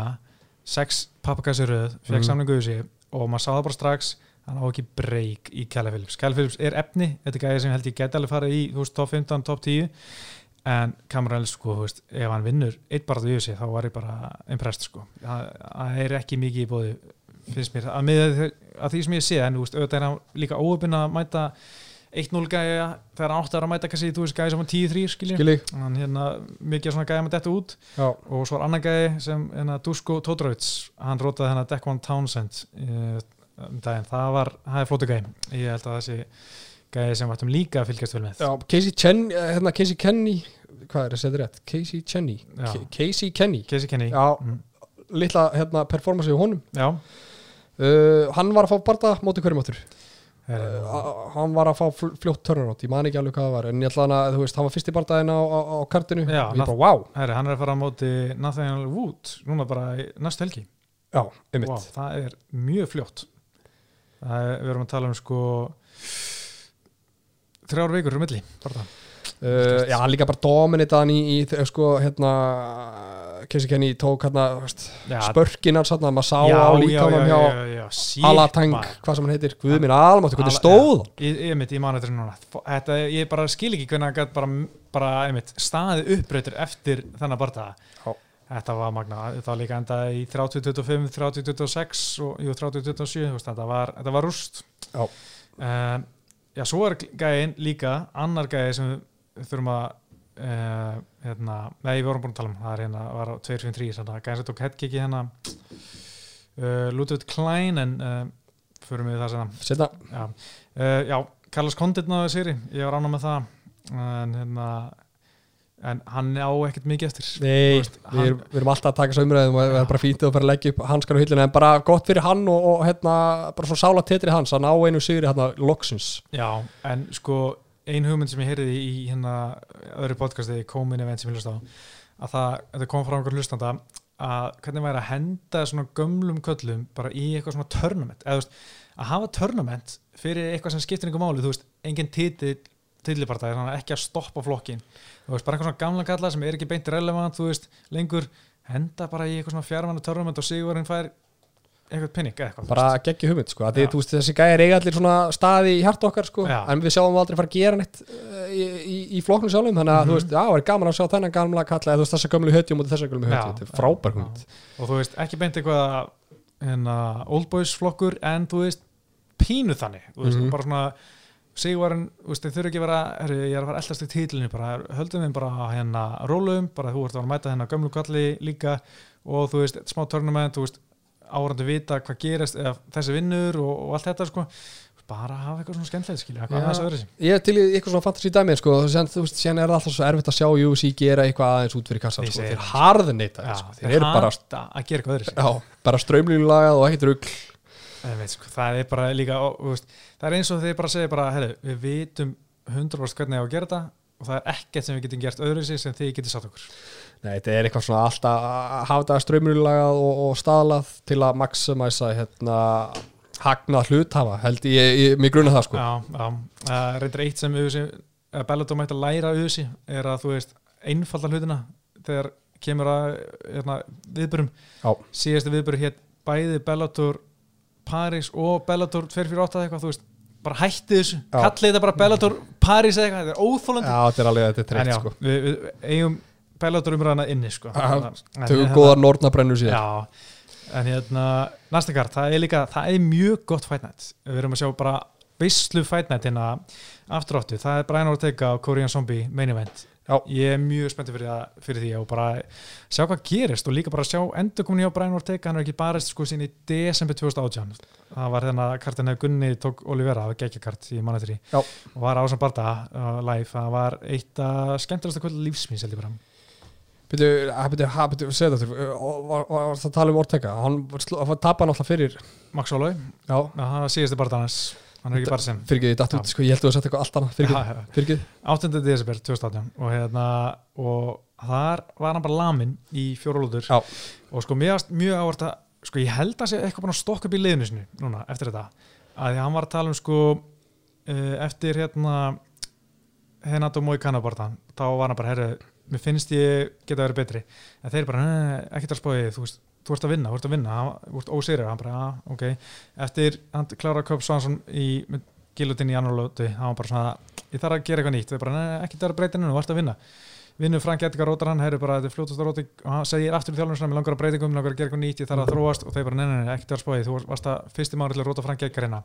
Svo fer hann í Max Holloway og þú veist, þetta er bara skák í fimm, ló- fimm lótur, eða átti að vera fimm lótur og hann átti bara ekki breyk og þá var hann bara þess vegna var ég að segja ykkur, ég þarf að gera eitthvað nýtt ég, ég átti bara ekki sjens í skákina, veist, ég, mér langar að geta barist fimm lótur skák við einhvern eins, góðan og Max Holloway, en bara ég hafði ekki baklandi í það það sem ég var, en núna er einhvern búin að stokka til ég hef aldrei, ég hef ekki séð nákvæmlega hvað hann gerði hvað hann er með hverjum en ég er pínu spenntur að sjá hvort það komi öðru sér til leiks því að mér fannst hann alltaf vera tap á lótum en vinna bara með því að klára. Já, uh, einhvers það las ég að uh, René Gracie hefði eitthvað verið að vinna með hennum uh, allan var hann, var hann að segja það ópenbarlega einhvers staðar að, að hann hafi notað þess að tökjara pásu sína í, í, í jitsuðu sitt sko. Mhm. og núna sé jitsuðu hann sé á, komið á allt annað level og þú veist þetta er að sjá okkur hluti sem aldrei hefur sést áður og, og jari jari sko. Þannig að maður að velta sig fyrir hvaða hérna Ortega kemur tilbaka hvort það reyna að koma inn á stand and- bank sem að var á móti Holloway sko. Bæði vei sat Mhm. það sá barða í mér í þrjá daga. Og er að horfa upp á það. Já, Má, ég var alltaf að velta fyrir mig hvort að hann var að fara að koma með eitthvað bóks allar hann að standa með zombie eða allar hann að implementa jitsuðu sitt sko. Já það, uh, en var ef ég ætla að taka Gracie í orðinu þá er hann bara að fara að reyna að glíma hann í gólfið og hérna og söppa hann sko. Já, það verður spennandi ég er umlega sko, hann hefur mjög lítið sko verið að sækja takedown ferðlega sem ég sé, hann hefur mjög lítið verið að, að- að fara, í, henda sig í fellur en það er spurning hvort að það breytist núna að hvort hann bara skjóti á einhvern því að hann er ekki gert mikið að því bara á sínu ferðli í sé heldur hefur hann oft verið að vinna þetta bara með því að grípa gilotinn og hér og þar og, og allt hann er sko. stökkvíta og já, eitthvað svona flassi já, ég menna hann er sko með null hann er með eina fellu í, á ferðli sem ég sé wow. sem hann, hann er að klára eina fellu en pressan er á Ortega finnst mér sko, hann er að koma tilbaka og ef hann mætir eitthvað reyðgæður eða ekki tilbúinn og bara standið á zombie undanfærið sko að ef hann mætir eitthvað, eitthvað aðeins annars huga sig eða eitthvað svona gönnsæði þú veist, þá, hrædd- þú veist, þá held ég að, að zombie eftir að, að pakka hann saman sko. já, ég menna sko Ortega ákast ekki mikið inni að, að þetta var helva beatdown síðast á móti Max Holloway. Mm. að ég var zombie er að Jansson Jung er að fara að meða hann eitthvað að róta hann aftur. Þá var þetta að vera erfitt fyrir hans aðdándur sko, klárt mál. En hérna, líka sko, tölum við svo að tvekjara pásu. Það er sko, hann fór í aðgerð á báðum höndum. Fór aðgerð á nefi og sleit crossbandi góða e, að hluta. En fór ekki aðgerð ok, Þannig að hann er búin að vera líka sko pínu mikið meitur þannig að spurning hversu mikið hann hefur náða að vera að bæta sig og æfa á þessum tíma þetta er alveg fullt af aðgerðum sko, og þetta Já. tekur allt tíma að hýla sem hann er búin að burt í, í tvö, já, tvö ár Já. þú veist, allt þetta svo varst að nefna þetta er alveg, hefði maður haldið hérna, endurhæfing og bara kvíld, bara, Mhm. bara þú veist, flatt átt kvíld í tólmánuði sko, þannig að hann er ekki búin að vera í, í, í lapinu að æfa eitthvað nýtt í tvö ár sko, það, við getum ekki sagt það sko. Nei, það er nefnilega málega sko. Ég er auðvitað mjög spenntur en, en Deina vætum að gefa út að Sigur en fái tilborta Já, klálega, en sko ég er alveg til það, en það er mér finnst það pínu erfitt pínu leiðilegt kannski fyrir þá sem er í fjárveitin ef sem orðtöka vinni og það er ekkert eitthvað brjálasla samfærandi að hérna, hann er búin að vera átt í tvö ár tapar náttúrulega lamin í klessu og þú veist stekku framfyrir þessa gæja en, hérna en reyndar er engin annars sem ég er ekki að með þetta frá mig. Hver er, þú veist, hálfu er búin að fara tvisvar og tapa tvisvar, þú veist, Já. er einhver aðri sem eru sko öskrandi á, á, á Sko, tilbúrta það ætti náttúrulega bara að vera Sabit og Jær Rodríguez ef þeir væru búin að klára sín mál. Já, en þeir hafa bara ekki gert það. Þeir bara ekki búin að svo er hann að sko bara staðan er svona Volkanovski meistari, svo Max Holloway Ortega, Sabit Jansson Jung, Jær Rodríguez Callum Kattar, Joss Emmett, Jeremy Stevens við erum komið, þú veist, að vanta nefnilega alveg áskorta nummer eitt, þannig að jú, ég kaupi þetta alveg Ortega vinnur. Þá er alveg, jú, ég tekið tilbaka Man, ég, ég er til að sjá hann En líka, þú veist, ef, ef annarkvort klárar þetta í hérna með einhverju stíl sko að Mhm. þú veist, þá er, þá, hérna, er þetta bara tilbúrta en ég, ég var að horfa á hérna Danny White í dag og, og hann var spurður eitthvað, er, er þetta number one hérna contender fight? Og hann hikaði ekki sekundbrot, hann sagði bara já, já, já, klálega já. Mm. bara ekki um að hugsa neitt en eitt í þessu, þetta er svona óvænt semi-grudge match veist, það, er eitthvað, það er eitthvað smá bíó á millera sem, sem þarf í rauninni ekki þessi barndagi Já. selur sér sjálfur með stílana þeirra og þeir eru báðir svona nöpp sko, báðir með eitthvað svona following Mhm. uh, og veist, þeir þurfu ekki á þess að halda sko. Nei, sko en þeir eru báðir búin að segja svona, að ég sé eftir þessu eiginlega Já, ég með það taka þetta taka þetta tilbaka Þetta var eitthvað, hvað, UFC 248 í, í mars, þá var voru þeir báður hann meðal árenda og hérna Ortega sló hvað umbúsmannast J. Parks Já, sem er og einhver er K-pop stjarnar þetta var bara mjög skrítið allt en, en hann svona baðast eitthvað afsökunar á þessu, hann Ortega, hann, hann hérna, sagði að tilfinningarna hefur hlaupið með þessu gunnur hann og verið eitthvað ég veit ekki hvað, hvernig þetta byrjaði ég, mena, ég veit ekki hvort að zombie sé eitthvað góður í ennsku hvað hann hefur verið að segja veist, er hann að drulli yfir hann á kórusku og, og tólkurinn hans K-pop stjarnan er að segja þetta við hann ansku og Ortega miskilur þetta og slær þessuna. Já, sko þetta byrjaði í ykkur hérna, viðtali, sko, ef ég skildi þetta þá byrjaði í ykkur viðtali við hérna Eri Helwani það var sko zombie og túlkurnas að hérna eitthvað að spjalla sko og þar fór túlkurnas eitthvað að því eins og ég skildi þetta tók einhver orð úr samhengi og, og, og, fór að vera með eitthvað svona smá stæla og eitthvað svona skota orðteka sko. Já, já, og sér kom það í ljós setna að zombie var eitthvað, hei ég sagði þetta ekkert. Nei. og þú veist, og þannig einhvern veginn vattið upp á sig sko, en núna eru báði búin að segja herru, þú veist, þetta bara bara sé eftir þessu og ég bara bera virðingu fyrir þessu manni og þú veist, við, við þurfum ekkert á þessu að halda þetta. Verður bara frábær bardagi og teka að sagði bara í dag að, veist, við þurfum ekkert, á þessu ruggla að halda. Ég vona þessi spítali í Abu Dhabi að við þurfum báðir eftir að þurfa á hann að halda eftir barda já.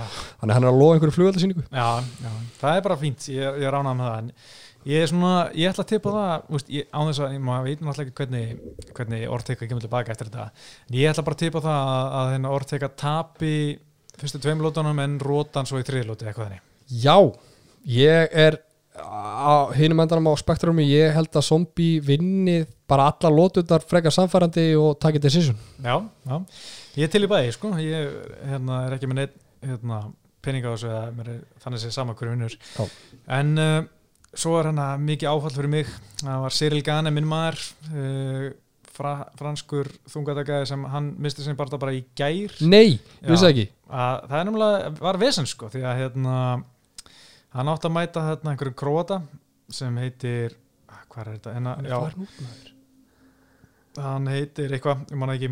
Ante Delia nema Abu veist, Delia er komin til Abu Dhabi hann er að fara að berjast. Svo bara í gær eða eitthvað, þá kemur eða þriðdæðan þá hérna kemur PFL, Professional Fighters League og segir bara, herri, hann er með sannig okkur hann má ekki berast í ykkur. Og hann er bara tekin út Já, veist, ha, þetta er aðgæðlegt sko, því ég er spenntur fyrir, fyrir Gani sko, þú veist, eins og að tala um endurníun í, í, í þungavíktina sko, og lúkar ekkert eðlilega svona ferskunni, hvernig gerist þetta? Sko, þetta er- fer hann bara stað og skrifir til samning í USC og er samningsmyndir annar staðar, þú veist, sko, þetta ha? er algjör skita hjá PFL, minn ég segja PFL er búin að cancela öllu sísonu sínu þessu ári út Mm. af bara COVID, bara eðla þeir get ekki verið með sjó og hérna þeir hafa ekki budget í að vera veist, ekki með meðsölu, mm það er náttúrulega stærstu tekina þaðan. Þannig að þeir eru ekki búin að geta verið með barndagvöld en sko og hann hérna þessi gæi, Delega, hann átti að keppa á sísonu á PFL þessu ári en það hefur ekkert verið sísonu, hann hefur ekkert geta barist. Og hann skrifandi nýja samning í februar en þú veist PFL hefur ekkert staðið við það því að það hefur ekki verið með hennar barta þannig að hann hefur held einhvern veginn hann væri laus allra mála ég veit ekki af hverju hann fekk það ekki bara á hreinu en samt að við séu og svo allt inni bara kemur þetta auðvitað hjá PFL bara á síðustu stundu því að sko hérna Shamil Abdur Kimur sem áttu upplega að fara móti Silgan, hann dettur út sko 28. september, þannig að þetta hefur vantilega verið Já, klára, þú veist. Quick fix eitthvað? Já, Já, en hérna, en sko hann hefur samt barist í KSVAF í Pólandi síðan að bara síðast í PFL sko, hann barist í PFL í hvað, júli fyrir eða eitthvað? Eða februar og bara svo í KSVAF í eftir það, þannig að ég veit ekki okkur á máttu bera staðar en ekki USA þú veist, ég held að þið sé bara eitthvað að, smá hundra gelta í PFL hann núna. Já, þú veist, en þú það á vissu leiti út með, þú veist með bardamæni þínu snærum og fer eitthvað annað og ef hann Mm. meiðist illa eitthvað, þú veist, þá átt þú að missa virði. Já, en, en, en, veist, en maður er líka að hugsa þú veist, að hann getur ekki barast í PFL þeir eru ekki með sjó veist, að, hann getur ekki þeir get ekki borgað hann um laun fyrir að neina vinnu því að þeir eru ekki með hann að vinna í bóði rétt sko. Þannig að mér finnst þeir að þú veist í þessu COVID ástandi bara ekki vera dicks og ok, slepp hann því að það er ekki eins og þetta sé stærsta nafnið þeirra þetta sé Rory McDonald sem er eitthvað á leiðin að fara að bera upp sjóð þeirra. Þetta er bara einhver annáður gæi í þungaðið sko. Já, þetta er, þetta er leðilegt og þú veist, greiði fyrir hann líka, þú veist, hann þarf að alveg að fæða fullskundum sína og setja sko mat á borðið og þú veist, Já. þeir að missa hann að tekjum sko Nennulega, heldur betur sko. uh, Svo er hann að vera spenn, spennandi að fylgjast með hérna, Matteus Gamrot pólski hérna, léttvitamöstrin eða var líka léttvitar og hvort það var bæði léttvit og veltivit eða, eða fjæðurvit og léttvit en hérna, þetta er alveg gæði, ég held að sé ósigraðar hann er frá móti einhverjum Gúram Kutalatset sem ég þekki nú ekki neitt en, en sko það eru margir mjög spennti fyrir Gamrot í þessi að halda að hann geti farið mjög langt þetta er bara svona besti euróski barðamaðurinn Er þetta debutið hans eða? Já, hann er komið inn núna fyrsta, sem fyrsta barða í UFC og hérna í léttvit. Ég er spenntur að sjá hvað hann gerir á löðin og hérna svo er ég spenntur fyrir Claudio Silva hann er fórnum til James Krause því að sko Claudio Silva sko, þetta er einhver svona mesta svona unsung hero í veltiðinni það, 38 ára brassi sem býr í Englandi og búin að vinna alla fimm barða sín í USA en það er sko, við erum að tala um síðan 2014 hann er búin að, hann barist ekkert í fjögur ár sko. Þannig að þetta er algjör glimtur gæi. En hann er mjög skemmtlur, hann er ekki góð standandi en hann er að klára þetta oft bara á söpbi sko Já, bara eins og ég segi, ég veit ekkert hvert er. Nei, þetta er svona, það er gaman að sjá hann. Svo er ég mjög spenntið fyrir Jimmy Crute og Modestus Bagauskas. Bagauskas er náttúrulega einhver litaði, grótar litaði sem var í Cage Warriors uh, light heavyweight mestari ára hann kom í USA uh, leit mjög vel út í frumrauninni í USA núna í sumar. Og hérna ég er bara 26 ára gammal með hausuna á réttu stað svona með viðtölinn sem að sér hann og hérna ég er spenntið fyrir hann en vist leiðilegt að sé voru á móti Jimmy Crute. Ég fíla líka Jimmy Crute. Uh, þetta er svona Jimmy Crute er hálfgett krút myndi ég segja. Þetta er leikur orðum en samt ekki. Veist, þetta er 24 ára ástrali og hérna virka bara mjög efnilegu strákur. Og mér finnst leiðilegt að annarkort þarf að tapa. Veist, þetta eru tveir efnilegir í léttungveikt sko. Já, já, já. En hérna ég býstu geggjum bara þar og svo Thomas Almeida, Jonathan Martínez og sko Thomas Almeida þetta er gæði sem ég held að myndi vera meistari. En hann er ekki með tíni sko. Hann er bara að tapa 364 barndum hann er ekki bara sinni í janúar 2018 sko, veist, þetta er geggjaður mútæðstrækir, ég sá hann einmitt sko þegar kom inn í þessu ég bara þessi gæri var alla leið en veist, eftir fjóru sér leta hann Koti Garband róta sig. Og hérna þannig að ég er svona spenntur að sjá hvað hann gerir aftur. Er hann að berjast fyrir hérna, tilur rétti sínum í þessu sporti eða er hann með, er með þrjú töpur auð? hann er með tvö töpur sko. Á, fyrir þannig að ég að, pínu þannig sko en hann er aðeins nafn sko, hann kom inn í þessu 20-0 sko. Nei sorry, hann kom inn 16-0 í þessu Okay. og, hérna, og þar á sko hann er með 21 sigra 17 rótök, þannig að það er alveg ástæð í bandavittinu sko, Já, ok, ok. Þannig að það er alveg ástæð fyrir að mennur er spenntið fyrir honum, þannig að ég vona að hann, haldi starfinu sinu og hann er geggjaðstrækir ógæslega góð standi, en hann er bara með vörn eins og gata sitt, sko. það, það fer allt inn og ekki með huguna til að hérna, taka þessu, þannig að hann er búin að vera pínu svona, ekki alveg með hérna, hlutunar að reyna en, en ég svona fíla hann alltaf svolítið vil og hlakka til að sjá hann Já, þetta er bara ágt, ágt skartirna sko. Sen Mhm. eru við líka með hérna í, í flugut hverna, Kallinn og, og Jessica András veist, þetta er uh, þú veist, það eru ofulega í rankinu og þú veist, það verður gaman að sjá hvað, hérna, hvað, gerist þetta þennan balda sko, fyrir, fyrir vinnurinn og fyrir lúsurinn sko. mm -hmm, heldur betur sko. Svo sá ég að hann hérna Gillian Robertson, hún er að berast í flugut líka. Hún er held ég búin að bæta meti hún er að bæta eitthvað met held ég flest það sigur eftir submission í kvennaflökum ég held að hún sé hann að jafna með dróndur á sig hún er með fjóra sigra. Okay. ég það ekki merkilegt, ég held að það veri miklu ég held að það var svona sex sigra eða eitthvað. En það skiptir ekki máli. Hérna, Þetta er veglegt nei, ég bara las þessa fyrirsögn og, og pældi ekkert meira í þessum uh, okay. En svo er okkar maður John Phillips, Íslandsvinnurinn hann er að fá enn eitt tækifæri sko, þetta er mesta grín sko, sorry, hann er búin að tapa fjórum að síðustu fimm barndar sinni síðast náttúrulega bara til Kamsap Tíma F ok, Ok, gef- ok, gefum það. er allir sem tapa frá honum í dag á þessu leveli. En hann er að fá enn eitt sigur en enn barndan, hann er sko fjórir einn í sig, hann er búin með eitt sigur í fimm barndum og hann er að fá í 100% síðasta tækifæri sitt en þetta er náttúrulega gæði sem er sko af 22 sigurum er 21 rótök það veit allir hvað hann er að fara að gera það er bara spurning hvort að einhver vill standa með hann sko. Þetta er bara svo gáð þess að segja, þú veist, ef, ef þeir eru með mörgur og rótök á fyrirskráni, þú veist, þá fá þeir aðeins að hanga inni, svo erum við að tala um aðan, þú þarft að setja einhverja svona gæja á, á karti líka með, með hérna, eftir tempurdónum, sko. Já, en sko þetta er gæði sem ég ætla bara að segja ég hef síðan æfa og ég hef aldrei séð mann jafn áhugaðlega svona yfir glímu eins og John Phillips hann hefur engan á að glíma, hann vil bara standa og róta sko.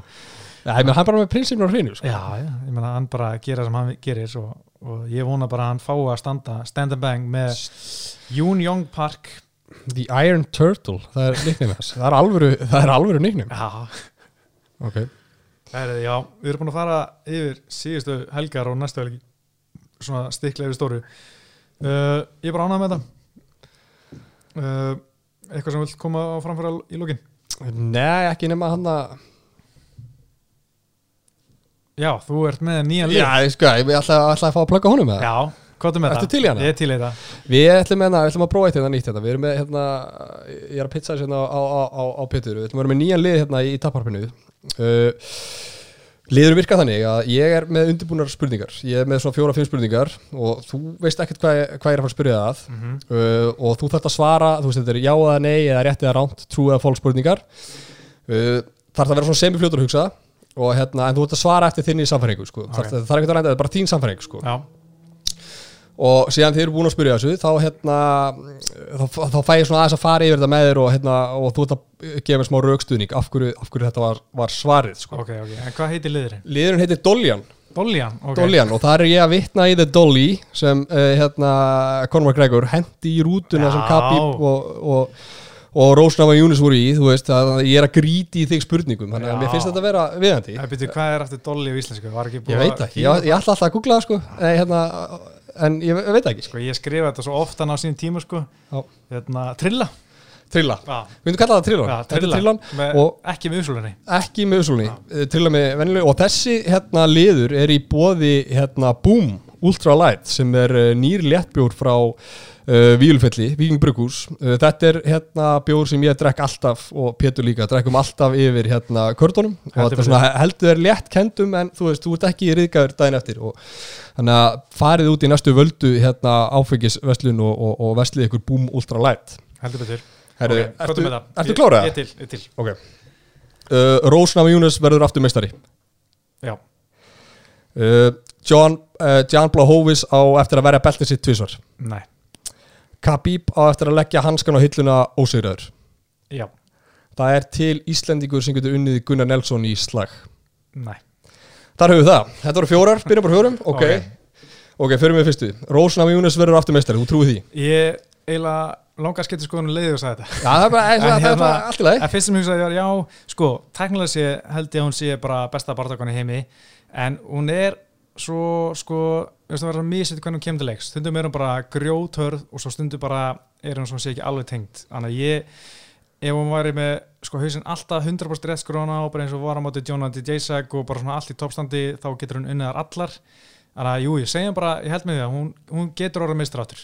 Ok, ok, ég meina það verður ekki verið Ég hérna, er eiginlega sammálaður sko Mér. Hún er bara það talendið að, þú veist Ég trúi því sjálfur að hún er eftir að vera meistari mm Mhm. -hmm. Hvað vorum við með aftur? Við, hérna, Jan Blahowicz áttur að vera beltið sitt tvisvar Það var, það var fljótt nei þar Já, nei, ég hef enga trú á, sko, ég er reyndar verið að segja það, ég held ég svo oft spáð gegn Jan Blakóis, eins og bara allir heimur hann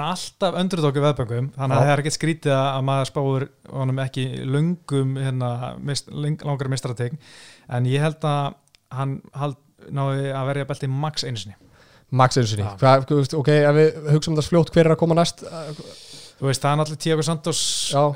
Gef mér það að vinni glóti sér og ef hann gerir það þá er hann aftur að fara á móti Jan Blakóis og, og þá var hann að fara að vinna Blakóis aftur held ég ok Það er ekki, það, er- ok, ok Það er hérna það er á brattan að sækja fyrir okkar mann þar Já, neður sko. Ég fíla Blackout mikið, ég er Ah, bara bara er það líka?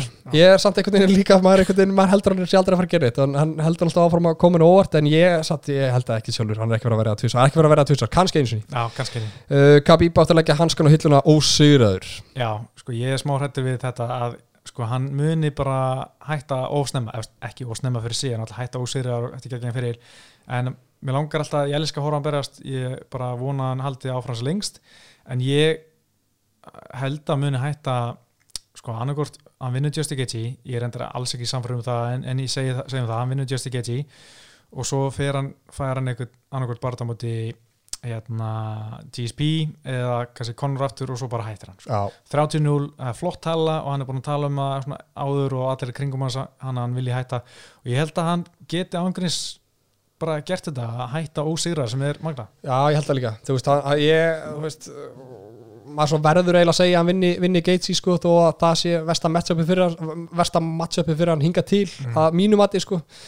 Og þetta 30-0 húll heillar svo cool að hætta þannig. Já, uh, Herru, síðasta spurningin var að hérna, það er ekki til núlegandi íslendingur sem getur unni Gun Gunnar Elsis lag. Nei, en, en, fjallið, við myndum setja á saman. Já, sko, ég held að sko, ef þetta er einhverju búri sem er ákveðlega stórt þú veist, sko, ég menna, þetta er alltaf erfitt. Ég menna, sáum Conor og Fjalli þennan að jokes bara á sín tíma, Já, já, þú veist ef Hafþór er bara í alveg að reyna bara meiðan, sko, þá myndi það vera allt, allt öðru sig, en sáum alveg, þú veist að léttleikandi og hann heldur sér frá honum og þú veist, og svo bara í þessu eins og öllu öðru cardio is king sko. Það er rétt sko, hann geti gasað fjallið sko. Já. en það er, svona, ertu samanlega með það? Það er sko, fyrir eigum einhvern handbóltamann eða einhvern köruboltamann sko, ég myndi segja svo sem á stærsta sensinn bara í alveg slag er bara kolli bóksari þú veist. Já, hann er náttúrulega geggjaða bóksari en þú veist, ég hugsa að ef Gunni var að fara á móti einhverjum, hann náttúrulega þungavitta bóksari og Gunni myndi bara, þú veist bara low pick ankle, hérna,